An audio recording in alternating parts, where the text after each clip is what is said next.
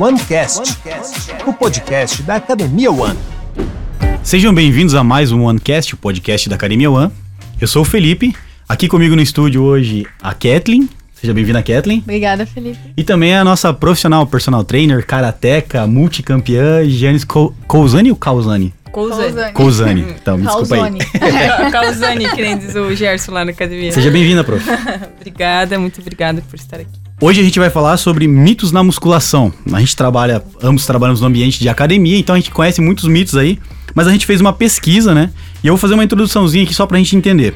Para falar de mitos, é interessante a gente saber o que é um mito. Um mito é uma espécie de crença popular que pode ter início na cultura de um povo, nos feitos incríveis de um ser humano, ou mesmo em uma história contada muitas vezes e que foi ganhando características ao longo do tempo. Puxando a sardinha pro nosso lado, para educação física, atividade física e tudo mais, creio que o último exemplo é o que se encaixa melhor. E para falar sobre esses mitos, então, hoje a gente tem nossa convidada, né? A gente também é da área, então a gente vai poder opinar um pouquinho aqui. Mas eu queria que você contasse pra gente, G, na tua vida aí de personal trainer, de professora, é, de orientadora também, é, quais os mitos que você tem esbarrado e como você tem lidado com eles? Hoje, inclusive, é, é difícil a gente mensurar tudo isso, porque é, é muita, muita coisa, história, né? Mas hoje É. aconteceu um fato, né, que eu até posso compartilhar com vocês. Hoje, quando eu tava saindo de uma aula, é, tava conversando com a, a Jéssica, que é uma colega nossa, e aí ela falou: Ah, eu tô tendo dificuldade de, de convencer as minhas alunas a não fazer tanto aeróbico para emagrecer. E aí, esse é um baita de um É um mito, baita né? mito, Deus ela tentando convencer assim as, as meninas de tipo, não, façam mais musculação e tal. E aí ficou nessa, a gente ficou conversando com uma das alunas, que é a Joyce, né, querida, nossa aluna lá da Academia One, Aham. que é fissurada em aeróbico, então a gente ficou tentando convencer ela pra É, os diminuir dois lados um da história, né? O gostar e o querer. É, é isso, exato. Não dá pra dizer qual que é o pior, né? Qual que é o maior mito, assim, da musculação. Mas eu acho que esse é um dos que mais me incomoda, vamos dizer assim. Porque a gente que estuda, nós que somos da área, a gente sabe que nada a ver. Assim, que, claro, precisa do aeróbico pra, pra dar alguns estímulos, mas que a musculação é super importante justamente porque quanto mais massa muscular, maior o gasto calórico, e tem vários fatores. É, às vezes a gente tenta explicar isso para as pessoas e a pessoa fica, mas como assim? Como ninguém nunca me falou isso? E Ou o contrário, né? Como falaram muitas vezes o contrário. Exatamente. Isso, é. exato. Então explica um pouquinho pra gente, pra gente tentar convencer esse povo. Uhum. Por que, que a musculação é tão importante no processo de emagrecimento? Uhum. Então, porque primeiro, para começar, assim, para tentar convencê-los, é, a gente tem que pensar em dois fatores. Quando a gente fala de emagrecimento, a gente pensa só na balança, né? Mas emagrecimento nem sempre é você olhar só para a balança, porque uma vez eu fiz um curso, eu achei muito interessante na analogia que o professor usou. Ele falou assim: se você quer emagrecer só simplesmente na balança, você pega uma pera grande e aí você vai virar uma pera murcha, né? Então, assim, você emagreceu, mas você não se transformou. O que, que a gente tem que pensar? Que eu sou uma pera, mas eu quero me transformar numa banana. Tipo, como se a banana fosse melhor, né? Mas enfim, é nessa, nessa analogia, assim, a gente tem que pensar em transformar o nosso corpo. E a gente vai conseguir transformar o nosso corpo fazendo musculação, aumentando a massa muscular, né? Então o corpo ele vai se transformando aos pouquinhos. Claro, sim, o, o aeróbico também é mu- muito importante, né? Pra melhorar nosso condicionamento cardiorrespiratório e até é, é, para descarregar nossa adrenalina, diminuir a ansiedade e tudo mais, né? Mas a musculação é muito importante ela é tão eficiente quanto o aeróbico. É que por muito tempo eu acho que foi batido na tecla de que. é, e também não, não deixa de estar correto, né? Uma pessoa que, que faz muito cardio, muito aeróbico, ele acaba realmente perdendo um pouco de gordura, mas também perde massa muscular. E também acaba diminuindo lá o, o peso na balança, né? Ele levava como exemplo ali corredores de longa distância, maratonistas e assim por diante. Mas o problema é que a gente não é corredor de longa distância, a gente não é maratonista, a gente precisa de um volume muscular pra viver, né? Até um exemplo que eu sempre tive pra mim, né, que eu roubei aqui da, da Giannis, foi que eu quero chegar nos meus 90 anos pulando uma valeta. Ou seja, eu quero ter massa muscular o suficiente, né, e, e vigor físico pra conseguir pular uma valeta com 90 anos. Aí eu vou dizer que eu tenho saúde. Então esse é, é um, um exemplo aí que eu vou levar pra vida e vocês podem levar pra vida também. Esperamos chegar lá pulando valeta todo mundo. Caiu todo mundo pulando as valetas. hein? então, a gente fez uma pesquisa bem rápida assim com os nossos alunos de quais são os, as- os maiores mitos assim que eles veem, né? Eu tenho uma lista assim bem extensa, Básica. mas vamos falar de alguns principais assim. Uhum. É, as mulheres tem muito medo de ficar forte treinando a musculação, né? Às vezes tem umas meninas que são um pouquinho mais gordinhas, assim, que já tem um braço mais, com uma circunferência um pouquinho maior, daí fala assim, não, mas se eu treinar braço, eu vou ficar muito braçuda. A gente tenta explicar para elas que elas vão perder aquela capinha de gordura, que vai ficar, né, com o braço definido, mas que isso demanda muito tempo, não vai assim de um dia pro outro ficar bodybuilder. É, exatamente isso, né? É, você tem que fazer musculação muito forte e nem assim, tá, gente? Essas meninas que vocês olham que são muito musculosas, com certeza elas tomam hormônios, tá? Mas olha, com certeza, tá? Fiquem bem tranquilas, assim, porque naturalmente você ficar muito musculosa é bem difícil. Um corpo marcadinho, às vezes até consegue, mas é, principalmente se você é mais cheinha, cara, faz força, vai lá, se dedica, faz teu melhor, sabe? Porque não vai ficar musculosa, tá? Pode dar ali. Pode fazer sem medo, tá, gente? Esse é o mito que os homens adorariam, amariam se fosse verdade. né? É se, verdade. se o braço viesse fácil assim, o homem seria extremamente feliz. Forte, né? Um detalhe importante é que a gente vai até o nosso máximo, a nossa máxima fisiológica, né? Então a gente não vai passar daquilo. Se passasse, todo mundo seria monstruoso, né? Então a gente chega até no, no máximo ali, se Aham. dedicando demais, assim. E aí, depois daquilo, o que, que acontece? Geralmente a pessoa vai ficando muito, muito, muito musculosa porque ela chegou no máximo dela e ela toma hormônio. Né? Outros estímulos. É, exatamente.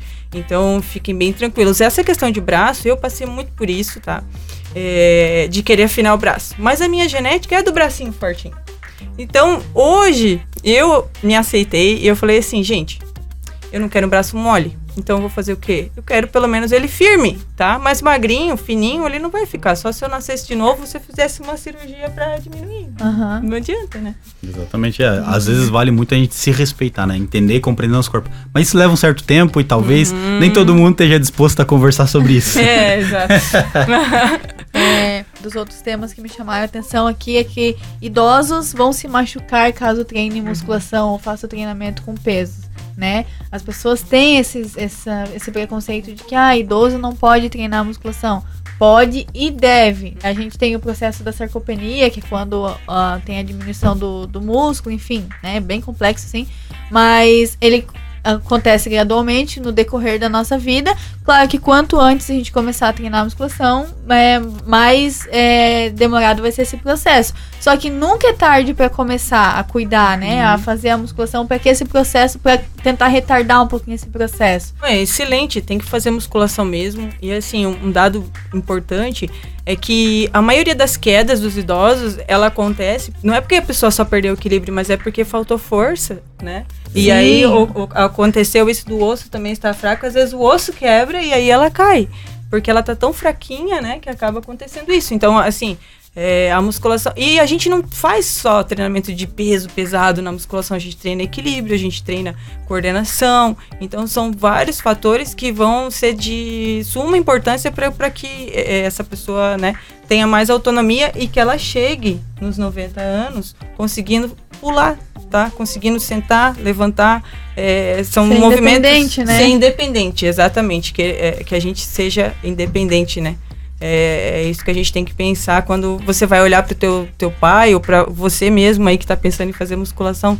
Venha fazer que a gente vai cuidar de você, a gente não vai mandar tu levantar um monte de peso, vai ser no teu É, limite. Exatamente, né? existe um limite. As pessoas às vezes pensam que para elas ficarem bem, elas usam ah, normalmente aquilo que elas veem na TV ou veem em vídeos, enfim, né?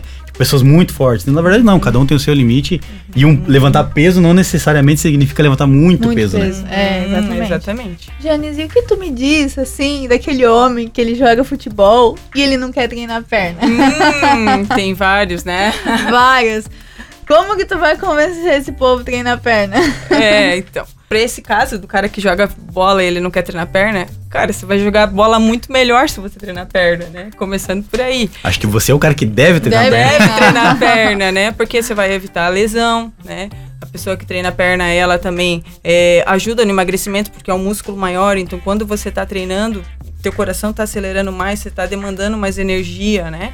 E um fator bem importante que a Kathleen falou, não esquece de falar, não esquece de falar. que aumenta, né? Ou quando você treina perna pesado, é, aumenta os teus hormônios, né? Então aumenta a tua testosterona e o teu hormônio de GH. Então isso vai fazer com que todo o teu corpo funcione melhor e aumente mais a massa muscular. E né? inclusive você consiga ficar com o braço maior porque É, você tem mais testosterona que veio por Ganhando consequência de da perna. Sim, Isso. Sim. Até eu tava pesquisando e aí vi uma pesquisa bem interessante em relação a isso. Eles fizeram uma comparação e aí o cara treinava agachamento e depois ele treinava bíceps. E esse grupo que fez esse tipo de, de, de treino, o bíceps ficou maior do que o que grupo massa. que só treinava bíceps. Olha só. então, Olha olha só que só, massa, viu? faça um mix Vamos aí. treinar a perna, galera, pra ficar com o bíceps bom. Mas é, é- é o objetivo cruzado, né? O homem reclama de ter que treinar a perna e a mulher reclama de ter que treinar o Normal, superior. é, É- exatamente. Não, é, não, é uma, não é uma regra, né? Mas é, são poucas as exceções. As exceções, Uhum, aham. Exatamente. A gente encontra muito no nosso dia a dia aí, né? Muito.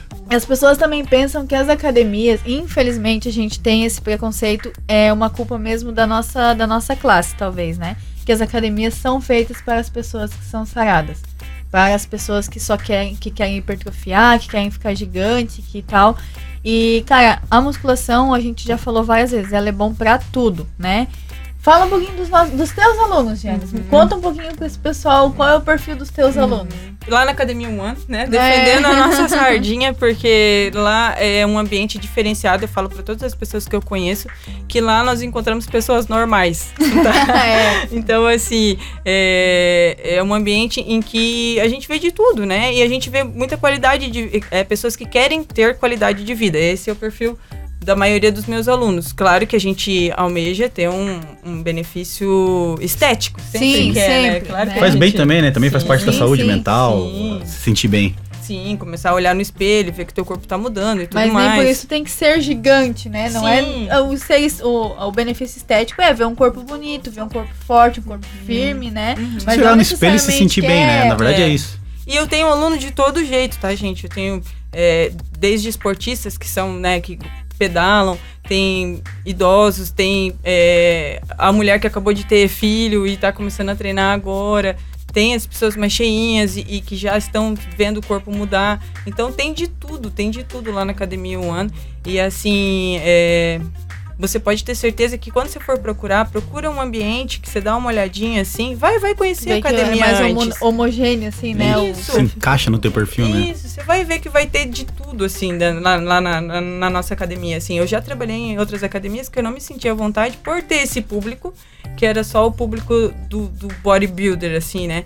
É, eu sempre digo que lá na One, quando eu entrei, quando eu fui trabalhar lá, que eu era estagiária, eu entrei e eu vi esse ambiente esportivo junto, né? E muita família. Aham. Então isso me agradou demais, assim. Eu falei, cara, esse ambiente que eu quero trabalhar. E não é à toa que eu estou lá há 13 anos, né?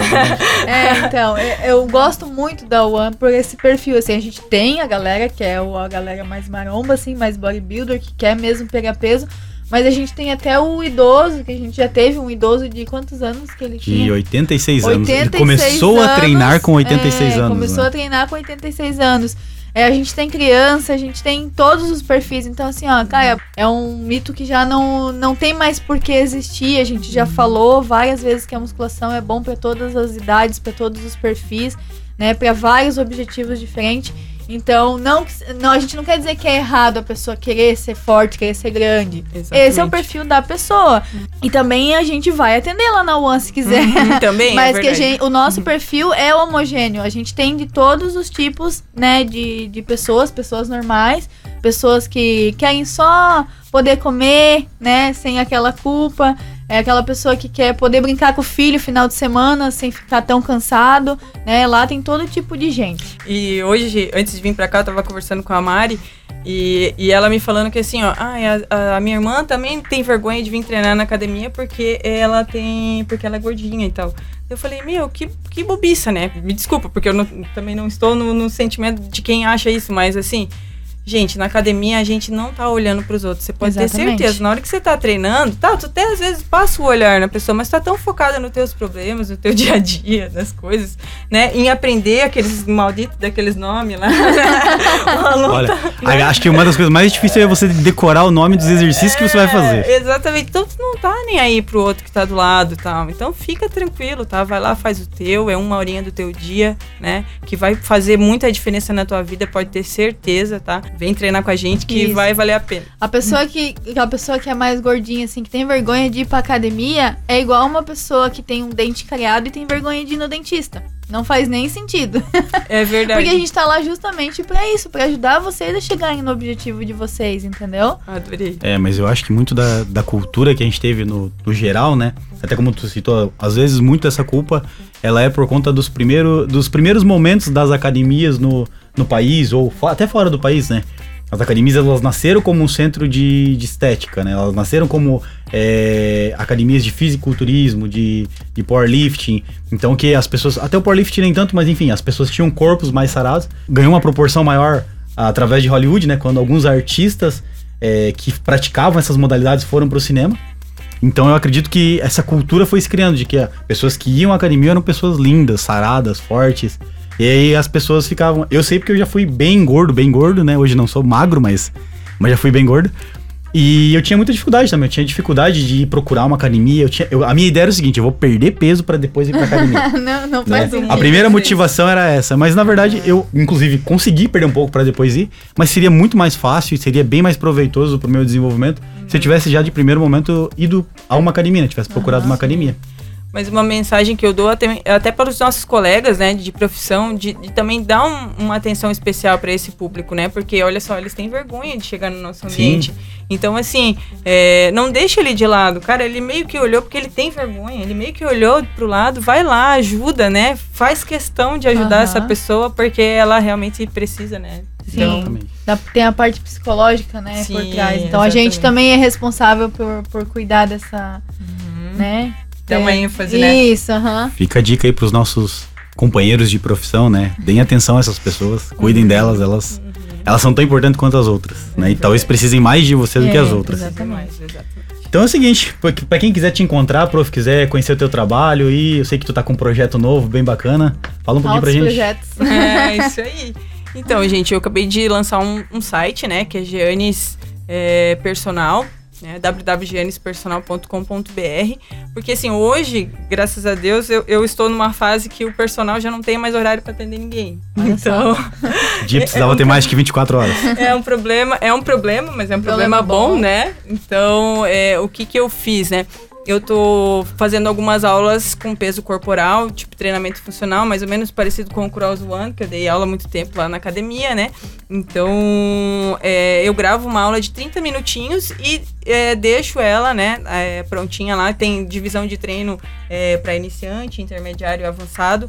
Até eu vou lançar algumas aulas que é mais ou menos um crossfight, já para colocar a parte do karatê Olha junto, só. né? Legal. Então, é, com valor bem bacana, tá? É, você se inscreve lá e aí tem acesso a essas aulas aí, tá? E é isso aí. Tem a gente como personal em casa. Fica a É, dica isso pra quem quer emagrecer antes de ir pra academia. Yes! Show de bola. Quer, quer deixar alguma rede social tua aí, prof? É Gianni Scousani Personal, tá? Meu Instagram. E é isso aí. E o meu site lá, entra lá, dá uma olhadinha. Legal. Kathleen, queria deixar mais alguma mensagem pro nosso público? Não, acho que é, o recado foi dado. É Não, pessoal, mas é isso mesmo, tá? Vamos procurar se cuidar, cuidar da sua saúde. É, não fiquem com vergonha. Existe muita academia boa em Joinville, tá? Mas pra quem quiser conhecer uma academia que eu garanto, pode chegar lá na UAN que as meninas da, recep- da recepção vão estar preparadas para atender vocês. É, e o pessoal também da musculação vai dar toda a atenção que vocês precisam, independente do objetivo que vocês querem chegar, tá bom? Legal. Então é o seguinte, pessoal, esse foi mais um podcast. Se você quiser nos acompanhar, né, você deve estar escutando isso através de uma das nossas plataformas, mas a gente costuma lançar no Spotify, em todas as plataformas que aceitam podcasts. Também a gente tem a parte em vídeo no YouTube para você que está nos assistindo. E deixa lá teu comentário, deixa lá o teu like, se inscreve no nosso canal para sempre que acontecer de a gente mandar um vídeo você ser notificado, né? E tá sempre por dentro aí do que a academia tá fazendo. Se quiser entrar no nosso Instagram é arroba Academia Joinville. Né, lá a gente tem todo o material. Academia O Anjo Joinville, olha eu errando aí. E a gente tem todo o material lá diferente. Você pode encontrar os horários que a academia funciona. Pode mandar um, um DM lá, as meninas vão te responder na nossa recepção. Enfim, vai lá tomar um café com a gente, conhecer nossa academia, conhecer nosso trabalho. Será muito bem-vindo. Obrigado a vocês que participaram aqui comigo, Obrigada, Giannis, Felipe. Kathleen. Obrigada, Obrigado a vocês Obrigada, que obrigada. estão em casa aí e até uma próxima. Valeu. Este podcast foi editado por Alex Schneider.